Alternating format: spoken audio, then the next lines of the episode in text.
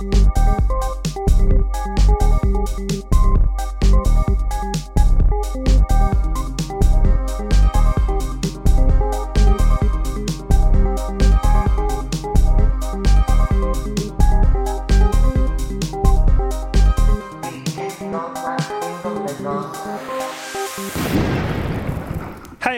Välkomna till Vilken dag är din domedag? En podcast om kapitalismen i Atropocen med mig, Jonas Algers från Manifest Tankesmie och Meg, Hege Skarud fra Attack Norge.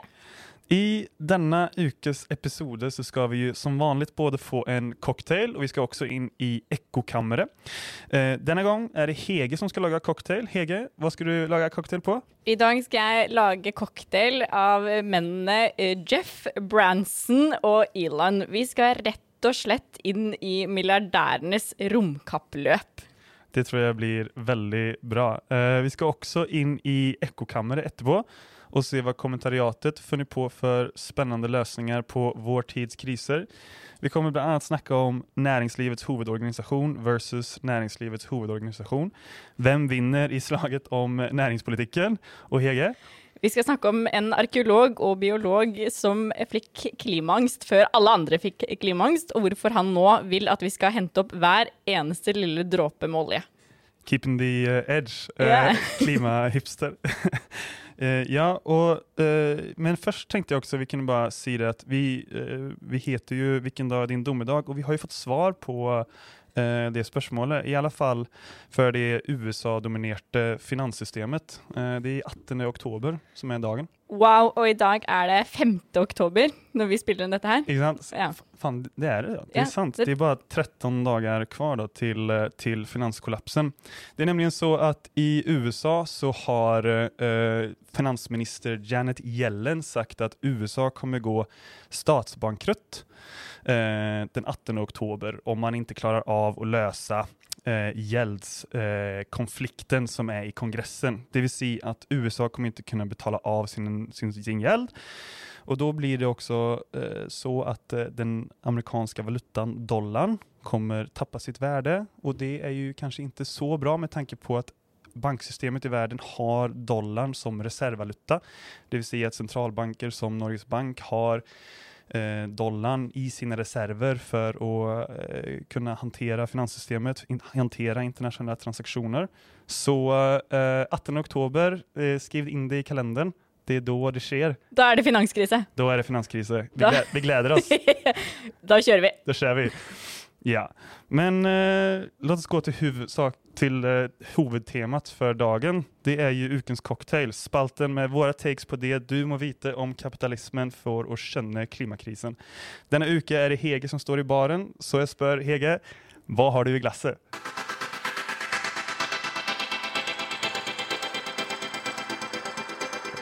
Velkommen til min bar. Eh, la meg ta deg med inn. Her er det eh, mye følelser og dårlig service. Men mye, mye, mye systemkritikk. Det høres ut som en perfekt bar. Ja. det er min favorittbar, i hvert fall. Nei. Det, eh, sakens kjerne er at eh, milliardærene Jeff Bezos, Richard Branson og Elon Musk de driver og har eh, et milliardærenes romkappløp.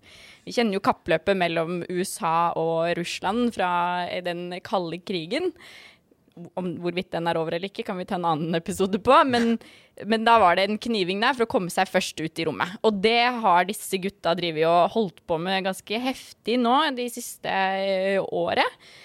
De har både eh, Bezos og Branson har vært ute i, eh, i rommet med sine private, og sist nå, i oktober, nei, september, var det at Elon Musk sitt eh, selskap SpaceX sendte ut fire stykker på et sånt kommersiell flyvning ut i verdensrommet over flere dager. Er personer altså? fire personer. Men han selv har ikke vært ute i rommet, eller? Han sto på bakken og så ut som en veldig sånn stolt pappa som vinket dem og farvel. Okay. Um, Han, er, han, er så, han er, så rik så han trenger ikke være i rommet selv. Liksom. Han kan sende ut noen annen og bare betale for det. I am space.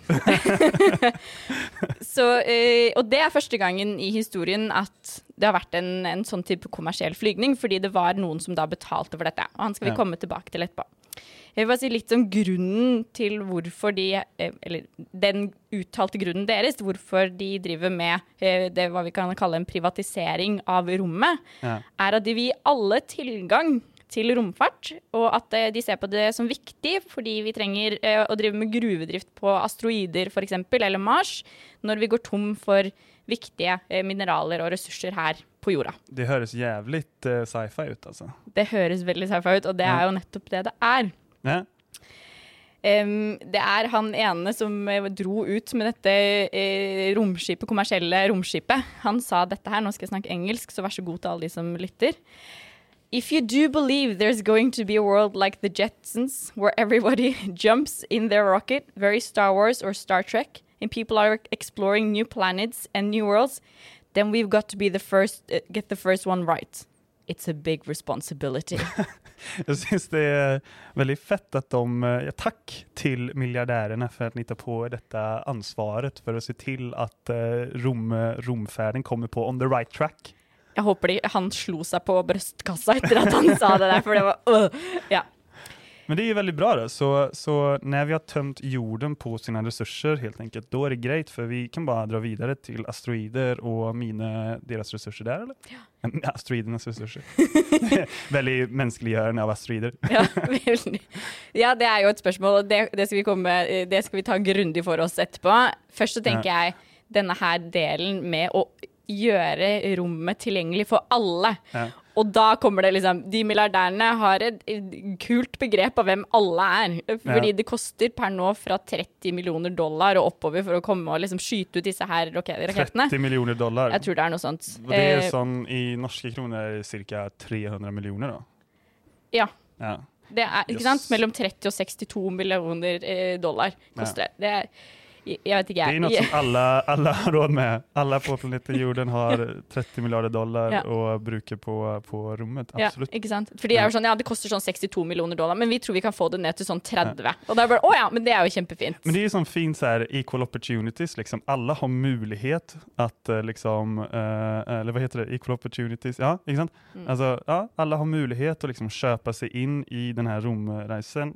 De jeg bare hoste opp 30 millioner dollar. Ja, Og det er jo per nå da at den prisen ligger her. Eh, Ja. Og det de sier, som Richard Branson eksempel, som, som eier Virgin, eh, og nå da også Virgin Galactic, som dette heter, han sier jo at det skal bli, eh, det skal bli billigere, billigere, sånn Ja. at flere kan få betalt for det. Men du har jo bodd i England, og det har jo jeg også. Yes! Og i England så eh, eier Richard Branson også togselskapet til Virgin. Ja, just det. Og jeg tok aldri det da jeg bodde i England student, fordi det er så dyrt og håpløst å ta. Det er svindyrt. Det hører til saken at England har uh, EUs, uh, jeg tror det er faktisk EUs sämsta tognett. Det vill säga att de har de meste förseningarna per, per reise. Uh, og de har også blant det dyreste eh, tognettet i Europa. Um, og det er jo Virgin Trains då en del av. De har eh, väldigt, väldigt dyra biljetter och väldigt, väldigt dålig service. Eh, och det är väl det som, är det på den måten då som eh, Richard Branson liksom finansierar rummet kanske? Han, liksom, han har pressat kostnaderna för sitt tågsällskap, ökt prisen, får massa intäkter från, eh, eh, i England och så kan han investera det i rom, romfart. Du, du, eh, ja og nei. Altså, de får jo også offentlige midler av, av, eh, til å drive med disse her romfartsutforskningsprosjektene sine. Men jeg tenker jo, klarer du ikke å lage et, en toglinje og et togselskap som folk kan ha råd til, da skal det godt gjøres å gjøre en tur til I rommet Ja, ikke sant? Så, tilgjengelig for alle. Folk får ikke betalt strømregningene sine engang, men det skal være mulig å dra til rommet. Det viser hvor eh, avkobla resten av verden disse her også er, da.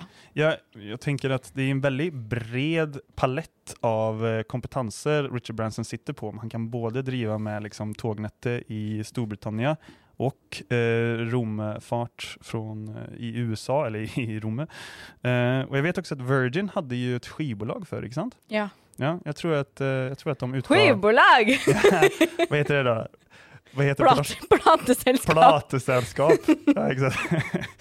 Eh, ja, de, man lär sig något nytt hver, varje, varje Ja, dag. Det var vel sånn de begynte, egentlig. Ja, jeg tror Ja. det. Jeg tror det. Så fra plateselskap inn til, til, tåg, inn til rommet. Det blir mer og mer avansert teknologi. Det er jo bra for, fint for Virgin. Ikke sant? Ja. Amazon eh, sin grunnlegger Jeff Bezos har jo også tatt nå farten ut og driver med sin, eh, sitt romfartløp Ja. gjennom selskapet Blue Order. Fett. Men hva, Hege, hva var det du uh, kicka på denne saken da? Jeg, uh, I hverdagen så våkner jeg til Nyhetsmorgen. Ja. I helgene våkner jeg av min egen skam. Okay. um, så dette her var jo da sei- 18. september så kom dette kommersielle flyvet, eh, eller romskipet, til eh, Elon Musk tilbake igjen til jorda. Så da, eh, da kommer denne gjengen eh, ned, og så blir de jo intervjua. Ja. Og det var på Nyhetsmorgen, en, en kort sekvens der sånn. Jeg må bare si det, Alle vi som lurer nå på hvorfor Hege våkner med skam i helgen, det tar vi i en annen podcastepisod. Ja. Men fortsätt. Takk. og da er det eh, en, eh, en av disse som var med på denne flyvningen, eh, som heter Sembroski, som sier at han hadde jo alltid hatt lyst til å spille ukulele i verdensrommet. Og da snudde jeg meg rundt og lagde denne lyden. For da var jeg bare sånn Altså, tenk, det er liksom en astronomisk penisforlenger som den gjengen her eh, driver med. Det, Jeg- jeg da ble jeg bare sånn Det her går ikke an. Verden, jeg vil av nå. Jeg tenker Hans Zembroski, han låter som en sånn uh, nachspielsgutt som liksom vil sitte på kvelden og spille Wonderwall fast han vil gjøre det i, eh, i, i rommet, liksom. Det er mitt mareritt. Ja. Men det, är- det är liksom mest populære typen av mann i verden, er det inte? Da må du spørre noen som ikke er så skeiv som meg, tror jeg. Ja, for så vidt. Uh, OK, fair enough. Ja, OK, men det høres ser ut som en, eh, en, ja, en ganske ordentlig penisforlenger. Sitte og spille ukulele ute i rommet. Mm. Ja. Og den, uh, den flyvningen her ble finansiert av en som heter Jared Isaacman. Han er en milliardær, og han har siden han var liten sagt eh, da han gikk i barnehagen at en dag skal jeg ut i rommet. Em, og han, um, hvor mye han betalte for den turen, det er det ingen som veit. Det her var en transaksjon mellom han og SpaceX, som da er selskapet til Elon Musk som driver med uh, romfartsindustri, om det er det Ja. man skal kalle det. Uh, og så var det en av de som da vant en billett gjennom et lotteri i USA, hvor pengene gikk til et barnesykehus, for det skulle selvfølgelig være veldedig også, for å pynte på hvor forferdelig det her egentlig er. Men vent litt nå, så hvor mye penger gikk til uh, psykhuset? Det var noe lotteri liksom? Ja, det var 113 milliarder, eh, nei, millioner eh, dollar gikk til det sykehuset gjennom den lotteri. Okay, yes. så Den raffle ticket-greia. altså Det var masse, masse penger. Men vad, och, sa du 130 millioner dollar? 13. 13 dollar. Mm. Dollar? Okay. Och sen så, och, men själva flygreisen då, eller romreisen kostar sån, eh, ja det vet vi inte. Det vet vi ikke. Nej. Men jeg, Men, eh, ja, jeg men om- tror det var millioner dollar. Det var veldig, veldig mye penger. Når, just. kom, når man kommer kommer opp i de summene der, da mister jeg det litt. Ja exakt, det blir for mange det. ja. Talldysleksi. Ja. Eh, Men turen vil ha kosta rundt 30-62 millioner dollar, da. For det er jo det de sier at en Det sånn det det vil koste. Ja, ikke sant. Mm. Shit. Ja, så, eh, men vad fint at de ga gav penger til till det der sykehuset. Ja, ikke sant? Ja. Han, eh, Jared Isaacman ga også da eh, ga nesten, Matcha jo nesten den lotterigevinsten eh, Men, til sykehuset. men jeg tenker da liksom, Hvorfor er ja, hva tenker du? Hva er din take? hvorfor er det her et problem? Uh, ja, ikke sant? Det er eh, Jeg prøvde å uh, Fordi min første tanke var bare øh, Og så må jeg finne ut av hvorfor blir jeg irritert av dette her. Ja, men jeg tenker om de bare har masse penger som de vil spende, spendere på noe, da, da kanskje man kan tenke at, at eh, ja, men de får spendere sine penger, det er greit. Ja. Men vi eh, lever i en verden med en global pandemi. Eh. Vi lever i en verden med økte ulikheter internt i landet. Eh, Vi lever i en verden som er ramma av en klima- og naturmangfoldskrise. Så eh, hver en rakettlansering den produserer rundt 300 tonn CO2. eh, Og det legger seg liksom i den øvre atmosfæren, hvor den blir veldig mye lenger også. Okay. Så det her er ikke økoturisme, da, med andre ord. Nei. Det er absolutt ikke økoturisme. ikke økoturisme, ok. Nei. Og de anslår jo da at uh, det koster ganske mye for disse oppskytningene. Ja. Og det betyr at det er penger man kunne ha brukt til å utjevne forskjeller, istedenfor at han Jared Isaacman skal få lov til å komme seg på tur med en som spiller Wonderwall på ukulele hele tiden, så kunne det kanskje ha, kunne det ha gått til eh, å f.eks. øke skattene for de, de rikeste, og da han måtte betale inn skatt, og man kan omfordele godene i samfunnet isteden.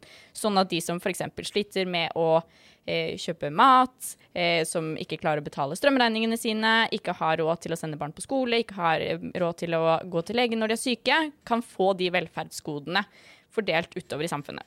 Ja, ikke sant? Enkelt og greit akkurat der. Ja. Um, og i, sam, samtidig så er det liksom denne pandemien som vi eh, lever midt i nå. Ja. Det er 4,4% av Afrika er fullvaksinert. Okay. Og mye av det er jo Shit, fordi legemiddelselskapene har drevet en veldig aggressiv lobbypolitikk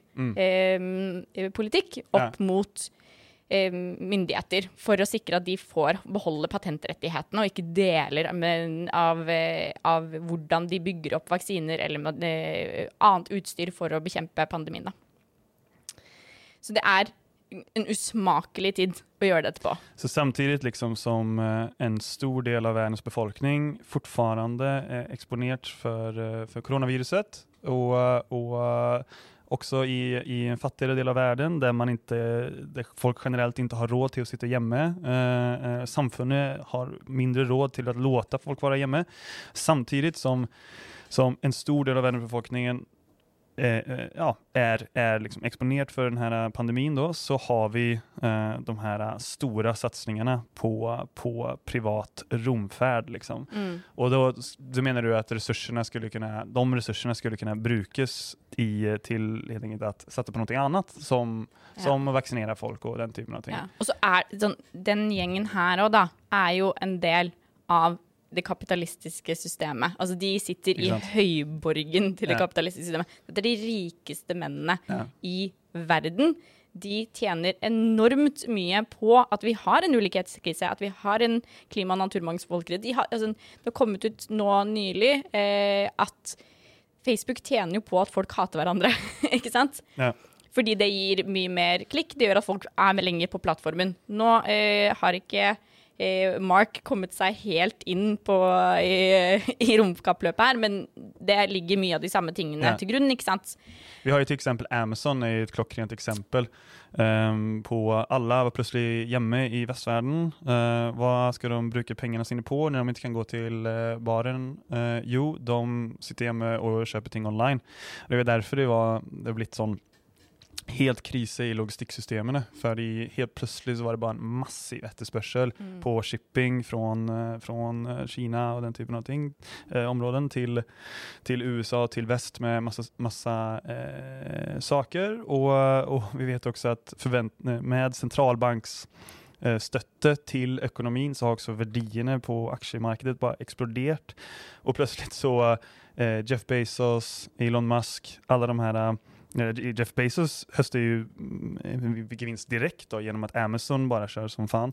Men Elon Musk känner ju också på att få eh, de här stötterna av centralbanken och den, typ, och, och Mm. den typen av satsningar.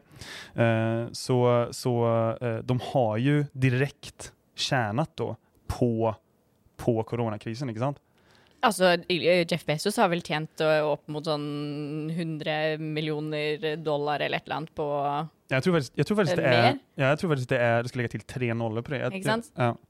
Det, det er eh, ganske mye, eh, ganske mange milliarder som de har, eh, som de har eh, tjener penger på. Ikke sant? Og det, eh, Jeff Bezos ser ut til å kunne bli verdens første dollar, dollarbillionær innen 2026, og de andre kommer ganske fort etter. Det, sånn, det er helt sjukt når Ja. noen har så mye penger. Det er ubegripelig. Og i, i tillegg så, så kan vi ikke sitte her og snakke om dette eh, problemene med disse selskapene uten at vi òg snakker om fagforeningsknusingen som Amazon har drevet med Mm. Ja. ganske eh, aktivt, og det samme med, med Tesla og eh, Elon Musk, da. Ja. Hvor det har spesielt under pandemien har kommet tydelig fram at de som jobber i fabrikkene til, eh, eller på lagrene til Amazon, de får ikke ordentlige tissepauser. De, liksom, de trackes hele tiden på hvor mange pauser de tar, eller hva de gjør.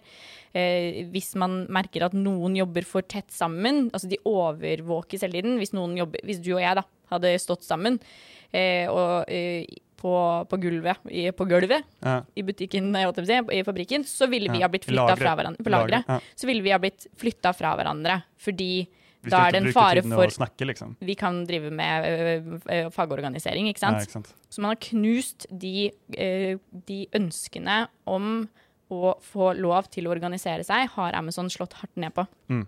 Ja, de har lobba mot det.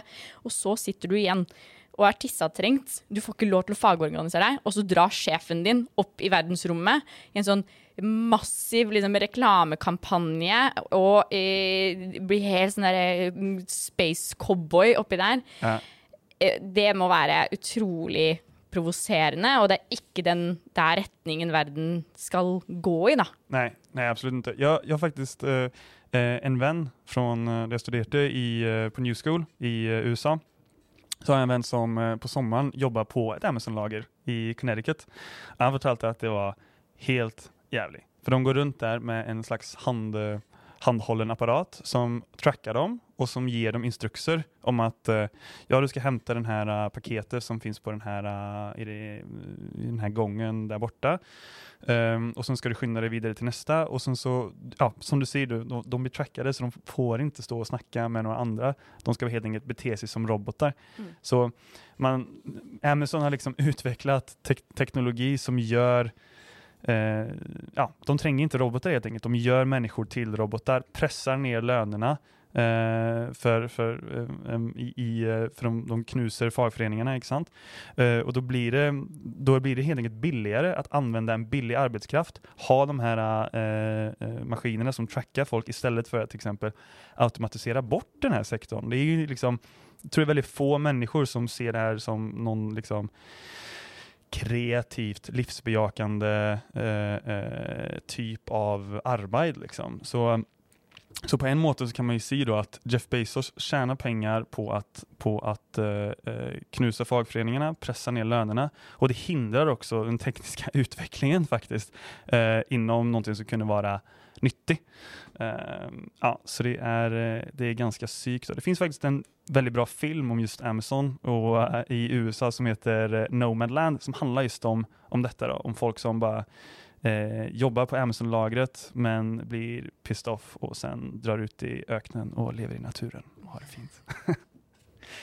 Wow. Ja. Ja, ikke sant? Og ehm, det er, det er ett aspekt av det. Og det andre aspektet er også hvordan dette romkappløpet til milliardærene handler også om å eh, skrape til seg offentlige midler. Ja. Fordi eh, nylig så har eh, Eller nylig, for noen måneder siden, så saksøkte Jeff Bezos NASA. Eh, okay. Altså det amerikanske romfartsinstituttet, eller hva de heter. Ja. Spa National uh, Space Agency. Ja. Mm. Aerodynamics and Space Agency. Der, ja. Godt. Du har studert USA, så godt du kan fylle på litt her nå. Ja, jeg tror det. Kan du, kan du sjekke om jeg har rett? Alle får bare google det. Men Ja. det er fordi de tapte en anbudsrunde om å få lov til å lage den landingsplattformen til det romskipet som skal tilbake igjen til månen. For vi, eh, Trump har best- bestemt i sin tid at nå skal vi tilbake igjen til månen. Ja, men det, det, det, Precis, exakt. Det her høres helt sykt ut. Ja. Ta det igjen langsomt. En gang til. Ja. Jeff Bezos Ja. har saksøkt NASA. Ja. Grunnen til det er at de tapte anbudsrunden for å få lage den landingsplattformen som romskipet til NASA, altså den amerikanske staten, skal lande på når man skal tilbake igjen til månen i 2024. Ok, så landingsplattformen er på, på jorden da? Ja, det er s- Ja, ok. sikkert. Um, okay, okay. Og det, det var SpaceX som vant, da. Det var Elon Musk. Alltså Elon, Elon Musk vant over Ja. Jeff Bezos. Og Jeff Bezos bare mm, mm, Nei, nei, nei. Uh, dette her vil vi ikke ha noe av. Nå, dere burde ha lagt ut flere anbud. Det burde vært flere uh, muligheter for oss å komme inn og være med på dette her. Em, og Så, så, så plutselig så er det her med konkurranse ikke så fett längre? Ja, eller? ikke sant? Ja. Ikke sant? Mm, det er monopolgreier. monopolgreie. når vi taper? Hei! Hvordan skulle vi konkurrere om dette? Det er helt jävligt. Eh, Nettopp, nettopp. Og det, det de har tapt, er jo en kontrakt på 25 milliarder kroner. Og det syns jo Jeff er veldig urettferdig. Så man taper både pengene, Ja. men det de også taper, er jo da det monopolet på å skape den infrastrukturen og de tjenestene som trengs når vi skal ut i rommet og hente nye ressurser. Okay. Så det her går jo egentlig på en sånn helt utrolig vidstrakt privatisering. Det er en Ja. galaktisk privatisering, kan vi jo kalle det. Ja. Det de, det de egentlig gjør, det er ikke å tilrettelegge for at Ola og Kari og uh, Johan skal få lov til å dra ut i verdensrommet på, på ei lita ferietur. Nei. Det de driver med, er jo hvordan er det vi skal fra nå til når vi trenger det, være de som kontrollerer hvordan vi skal hente disse mineralene på asteroider eller Mars eller hva enn det er. Ikke sant? Så da blir vi som, eh, som en, hele verden da, avhengig igjen av disse selskapene og deres kunnskap hvis vi tillater at de vinner sånne anbudsrunder gang på gang på gang. Shit. Så, eh, så nå liksom sätter, eh, kan man si da liksom at vi, vi holder på å stake ut en retning da for, for romaktiviteten i framtiden. Och så da gjelder det å være tidlig som mulig, liksom, bare få grepp om infrastrukturen kan man si. Og, og och monopolisera den kunnskapen og, og, och teknologin som kommer trenges i framtiden. Det høres jo ut som en ganske lønnsom idé. Da, om, eh, vi får jo se hvor lenge, hvor lenge eh, mänskligheten klarar sig. Då. Vi vet jo ennå ikke hvilken som er vår, eh, är vår domedag, men om vi, kommer, om vi kommer dit helt enkelt så høres det ut som at uh, Hvis vi overlever 18. oktober i år, så må vi, må vi se. Men eh, det, vi har vært på månen før, ikke sant? Det er det jeg syns er så sjukt. Og det er ikke sånn at eh, vi ikke har kunnskapen om hvordan å lage en landingsplattform Nei. fra før av. Det er jo ikke noe nytt ved det de holder på med akkurat nå, egentlig. Altså NASA har jo De har gitt oss tempurmadrasser. De, Ja. liksom, de har gitt oss utrolig mange viktige ting Ja. i samme Nå det var ikke, Tempurmadrasser er det viktigste. jeg bare, jeg bare tenkte det, jeg bare ja, ja, vet du. hold on, tempurmadrasser. The power of innovation. Ja, mm, eh, jeg vet ikke, jeg har vondt i ryggen, OK? Jeg er 31 år gammel. Og har fortsatt ikke en tempurmadrass, fordi det er ikke tilgjengelig for vanlige folk som meg. Sosialisere tempurmadrasser. Ropen skalla, tempurmadrasser åt alle. Opp med venstrehånda. um, ja, men, men det jeg prøvde å si, var det har vært offentlig finansiert. Man har den teknologien. Det er ikke noe nytt med den teknologien her. Den er liksom den er pynta på med en rosa sløyfe og noe Ja. Bluetooth, og det er det. Er det. Ja. det her hadde man helt fint klart å gjøre uten å legge ut på eh, anbud til private selskaper, og måtte bli avhengig av de for å eh, gjøre det videre. Fordi hvis man legger ut på et anbud, ikke sant, til SpaceX eller Blue Order eller Virgin Galactic eller hvem enn det er, så er det de som lager den teknologien. De får da tatt over det som NASA har gjort før, eller eh, andre offentlige instanser har gjort før, om å videreutvikle det. Ja. Um, så hvis vi stopper den der anbudsrundene nå, så har vi jo kontrollen på det. Ja. Og da har, vi også, da har vi heller ikke privatisert verdensrommets ja, naturressurser. Men jeg syns det du sier der om at uh, altså, vi har vært på månen før, altså, det syns jeg er en sånn utrolig viktig poeng. Uh, min, min far satt, uh, eller, det var i SpaceX som skjøt opp en, en, en dude til internasjonelle internationella rymdstationen. Eh, och det var världens grejer och Youtube, sen, var liksom livesändning på Youtube och allt sånt där. Min, min far satt hemma och bara, det här är jävligt coolt. Och sände det till mig och bara, du, check det här ut liksom. De ska skjuta en, en man upp till, eh, till eh, eller, eller SpaceX, Elon Musks sällskap ska skjuta upp en man till eh, internationella rymdstationen. Och jag var sån, ja men det sker ju hela tiden. Det sker, det sker, sker hela tiden och NASA gör det och eh, Kina gör det och ryssarna gör det och flera, EU gör väl också det tror jag.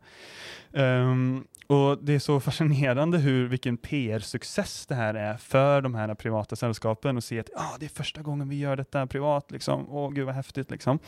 Uh, och det är ju på en måte, eh, det tar ju fokus från att vi har kunnat göra ganska häftiga ting för, för liksom, eh, väldigt länge sedan. 69 var det väl vi satte, vi människor satte en, en man på månen för första gången. Ehm, och, och jag tänker att hade vi, eh, det, det finns liksom eh, hade vi tatt kontroll over innovation og teknologiutvecklingen og faktisk hatt en liksom, retning på det her viktige området å att satsa på, ja da kanskje de her personene ikke hadde hatt eh, mulighet til å bruke så store resurser på sitt egne privata lilla eh, eh, rymdprojekt. Till exempel, som vi snakket om i stad med Richard Branson. Liksom. Han har jo kunnat eh, få ett väldigt stort sällskap som är väldigt rikt och har råd till, eller kan göra den här typen av ting, Fordi man har haft en väldigt lukrativ rolle på på eh, det brittiska tågnätet. Man har haft ett, altså alltså tågnätet är ju ett slags monopol då. Det är inte så att det går olika skinner eh, som du kan välja på eller, eller du får, du får ju, olika sällskap går ju får ju en specifik tid som de kör sitt tåg på den här linjen och då har de eh, tagit kontroll över eh, eh, en viktig del av infrastrukturen. Och, och eh, när då det inte finns några, eh, eh, några andra alternativ och inte en ordentlig konkurrens som det inte går på den typen av marknad, ja då tjänar de väldigt mycket pengar för det finns inga alternativ. Du måste betala de här väldigt dyra biljetterna trots att det är en dålig service, trots att det är stora förseningar och så vidare. Och, och eh, det får mig att tänka lite på eh, eh, det här med missions och som hela Matsukato-debatten som var för eh, i, i våras. Ja, men du förklarar vem Matsukato är. Det ska jag. Jo, Matsukato är en ganska anerkänd ekonom internationellt. Hon är forskare vid, eh, i, UCL i London och hon har blivit väldigt känd för, för just sin forskning på det som hon kallar för missions, eller mission oriented innovation. Uh, det vill säga att man sätter ett mål, en rättning. Det här är viktigt för samfundet och det ska vi satsa på. Vi ska bruka resurser och sätta en riktning Eh, för att lösa det här problemet. Eh, och det var ju debatt om det i, i våras då, då eh, Matsukato och hela missionsperspektivet blev brukt in i klimadebatten, att Norge tränger den typen av approach för att utveckla en ny ekonomi då, som är grön, som, som inte är så utsläppande som olje och gassektorn. Um, men, men uh, och, och, och, och, i den här hela Rom-diskussionen då, så, så är det ju eh, ett ganska bra exempel på att när det inte sätts några missions på att lösa faktiska utfordringar som är problem i samfundet vi lever i. Ja, och, och, staten inte satsar pengar på det eller resurser riktas mot det.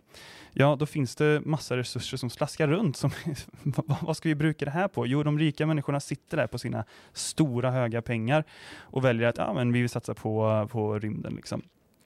Uh, och det tänker jag bara är ett otroligt eh, ressurssløseri. Et sånt eksempel er et eksempel USA. Da. Eh, det her handler jo mye om USA og amerikansk romfart og, og den typen av ting. Men jeg, jeg leste ganske nylig en interessant artikel som peker på at eh, i den amerikanske staten har jo eh, som bruker investere i innovation og teknologisatsinger, de har brukt mindre pengar på utvikling av fornybar energiteknologi enn eh, USA bruker på hund och kattmat på ett år. Så alltså under hela tiden vi har känt till klimatproblematiken har mindre statliga pengar brukts på, på att forska på, på grön teknologi än vad, än vad USA brukar på hund och kattmat på ett år. Och där är det så tydligt att, uh, att vi uh, ja, ignorerar vissa samfundsproblem då, och, och bara låter ja, resurser användas på saker som kanske inte är nödvändigt. Fordi det er noen som har lyst til det. Fordi det er noen som på et eller annet tidspunkt i barnehagen sa 'jeg skal ut i verdensrommet'. Eller uh, Elon Musk som har tatt noe sopp og tenkt sånn 'jeg skal kolonisere Mars'. det, og det er det. Og de forvalter jo små statsbudsjett. Ikke ja. sant? De har så mye penger ja. at de har muligheten til å gjøre det. Det og så, og så pappaen din da tenker sånn at dette er banebrytende. Nei, det er ikke det. Det er det samme som at et lite land egentlig hadde gjort det, fordi de har de midlene til å gjøre det. De har så innmari mye penger, og det er ingen som har tatt til orde for å stoppe Eller jo, mange tar til orde, men man har ikke vist den politiske viljen Nei. globalt til å faktisk stoppe det. Og nå, hvis ikke vi gjør noe med det, og statlig planlegging, som jo er ditt passionfelt, så kommer de også til å monopolisere verdensrommet. Ja. Ikke sant? Ja. Det er jo kjempesykt. Og det er vel der den derre øh som kom fra meg da jeg hørte dette på Nyhetsmorgen og vrei meg i senga, det er der det ligger. Nå skal de enda mer. Mm. Og da er mitt store spørsmål er dette her hvordan vi løser klima- og naturkrisen også. Det tror jeg ikke det er. det høres ikke sånn Ferdig. Er det liksom vi, De skal reise ut i verdensrommet mens det er liksom helvetesilden bak dem for å dra til Mars eller en eller annen asteroide og hente ut noen mineraler, sånn at vi kan lage flere Tesla-biler. Ja. Er det, er det sånn verden skal reddes? Eller kunne de kanskje bare ha stoppa opp Eller noen må stoppe de opp? De som egentlig bare vil ut og fortsette det systemet som allerede har skapt de enorme samfunnsmessige og miljømessige problemene som vi ser her nede på jorda. Det tyckte jeg var en veldig bra avslutt på uh, ukens cocktail Og jeg tror det er dags å gå videre til ekkokammeret. Ja, i Ekkokammeret då, det är då vi ser på vad som har skett den sista uken och vad folk eh, menar. Och jag har ju tagit med mig då till dagens eh, Ekkokammare eh, NHO versus NHO, det vill säga Näringslivets huvudorganisation versus Näringslivets huvudorganisation. Det är Battle, Battle Royale! Battle Royale. Vem kommer vinna slaget om näringspolitiken? Eh, och det är ju nämligen så att NHO forleden förleden var ute i VG och snackade om att Störe riskerar att bli klimataper. De snackar om att eh, NHO-chefen eh, Ole Erik Almlid var ute och sa att Störe sier att ambitionerna om klima ikke förlåt Hurdal med Lysbacken. Och det är bra, men föreløpig er det allt för lite grön handling i Norge. Och eh, de har släppt en ny rapport, NHO, om att eh, det går för långsamt. Tyskland och Nederland har, eh, har innvilget 80-90 miljarder kroner til hydrogenrelaterte prosjekter. Norge 300 millioner. Eh, Tyskland har staten bidratt med 7 miljarder kroner til et nasjonalt testsenter for batteriproduksjon. Et svensk testsenter har mottatt 500 millioner, og Norge har ingenting liknande. När I havvind så ligger det an til at prosessen fra et område beslutet eh, utbygget for havvind til produksjonen er i gang, blir ett til to år treigere i Norge enn i Danmark. Ja. Uh, og det, når de gikk ut med dette i VG, så tenkte jeg det her er litt Groundhog Day. det føles som at det er ungefär hver dag man vaknar så er det noen som går ut og sier at det går for langsomt i det grønne skiftet. Men det som er litt interessant er jo at det er NHO som sier at dette er et problem. Uh, for jeg tenker jo at NHO er jo også en av grunnene til at det går for tregt. Uh, jeg vet ikke om dere husker det, men NHO var ute med LO og snakka om at det er viktig å fortsette å lete og fortsette å satse på olje og gass. Ikke sant? Og, og da tänk, det är viktigt, man ska komma ihåg att de här två tingene har med varandra att göra. För ju mer aktivitet vi har i olje och gassektorn, och det är ganska mycket, desto mindre kommer vi över i ett grönt spår. Det vill säga, om alla ingenjörerna, alla verft är busy och har långa köer med projekt innanför olje och gas, ja, då kommer de inte gå över till till eh, gröna sektorer som havvind eller batteri eller whatever. Eh, jag hittade faktiskt några ganska intressanta citat i en rapport från 2010 då, där, eh, där en leder i en havvindbedrift sier at eh, offshore-leverandørene trenger et push. Det har vært for mye å gjøre i olje og gass, men det kan være for sent å konvertere den dagen oljen og gassen har tatt slutt. Og vi har et vindu mellom nå og 2014 til å løse denne problematikken. Så eh, det känns ju lite spännande. Det är en annan eh, ledare i en offshorebedrift som sier at det er begrensede ressurser innan offshore. Dersom det blir gjort nye store funn, f.eks. utenfor Finnmark, ja, da er det klart at industrien snur seg rett tilbake til olje og gass igjen. Det er så mye betalt, og vi kan det framfor. Og, og så da tenker jeg når, når NHO er ute og sier at Støre riskerer å bli klimataper, ja, men ni kan jo begynne med å ta et snakk med dere egne bedrifter og er egen organisasjon, for det er ni som står i veien. Så det er eh, Word. ja. Har du noe å tilføye? Nei, jeg er helt enig. Ja, så det syns jeg var en ganske interessant sånn ting fra Ekkokammeret. Hege, hva er det du har med deg fra Ekkokammeret denne uken? Jeg har med meg um, en, eh, en ytring fra NRK. Ok, eh, Hvor det er en arkeolog og biolog eh, ved- navn Håvard Hegdal som ser uh, ut som en artig, fin fyr. Han står foran fin norsk natur på dette bildet. Um, han sier at han, eh, han fikk klimaangst tidlig på 2000-tallet, liksom før alle andre, og har nå gått bort fra det eh, eh, med eh, en analyse bestående ganske mye liksom, spillteori, og totalt overser at Norge er den syvende største eksportøren i verden av CO2-utslipp CO2 når det kommer til eh, oljeeksport. Fordi han eh, har den der gamle ja, det er ikke så Vi her i Norge har ikke så store utslipp. Eh, vi må fokusere på å eh, utvikle, ikke avvikle oljeindustrien. Eh, og at han ønsker å ta opp hver eneste lille dråpe av, av norsk olje og gass. Og der er det jo bare sånn At dette her fortsatt kommer på trykk, syns jeg jo er ganske sykt. Man har uh, sånn uh, avmytifisert ganske mange av disse påstandene før. Nok en gang sånn at man ikke Han snakker ikke om utslippene i en global kontekst. Altså olje er olje, Norge og gass. Norge har ikke den reneste olja i verden uansett, og det er ikke opptak av olje som er problemet. Der er det jo sånn 2% av utslippene som skjer i opptak av olje, ifølge da Greenpeace og andre. Um, og så handler det også om at det er eh, Uansett så er ikke norsk olje den reneste per eh, liter. Det er liksom i Midtøsten eller noe. Det er bare sånn tulleargument for å late som at eh, det går fint, for vi skal fortsette med den olja. Uh, og i tillegg så er det det argumentet om at hvis vi slutter å produsere olje, så vil noen andre eh, ta det, det, det, hullet som vi etterlater oss i markedet. Men der er det en gammel studie fra 2013 fra SSB som viser til at det ikke er sant. At eh, de globale klimagassutslippene vil reduseres med om lag 1 million tonn CO2 for hver prosent vi i Norge kutter i oljeproduksjonen.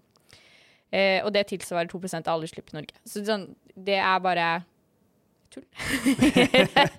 og jeg tror kanskje eh, at NHO og denne arkeologen og biologen kan ta en liten sånn prat med seg sjøl om, om, hvor man stopper analysene sine, da. Ja. For det er jo helt tydelig at man ikke helt ser utover sin egen nesetipp. Nei. Det syns jeg er en alldeles utmerket avslutt på Ekkokammeret og dagens episode. Eh, takk til dere som har lyttet. Vi eh, ses Vi hørs, vi hørs. Eh, neste uke. Vi hørs. Ja. Hei da!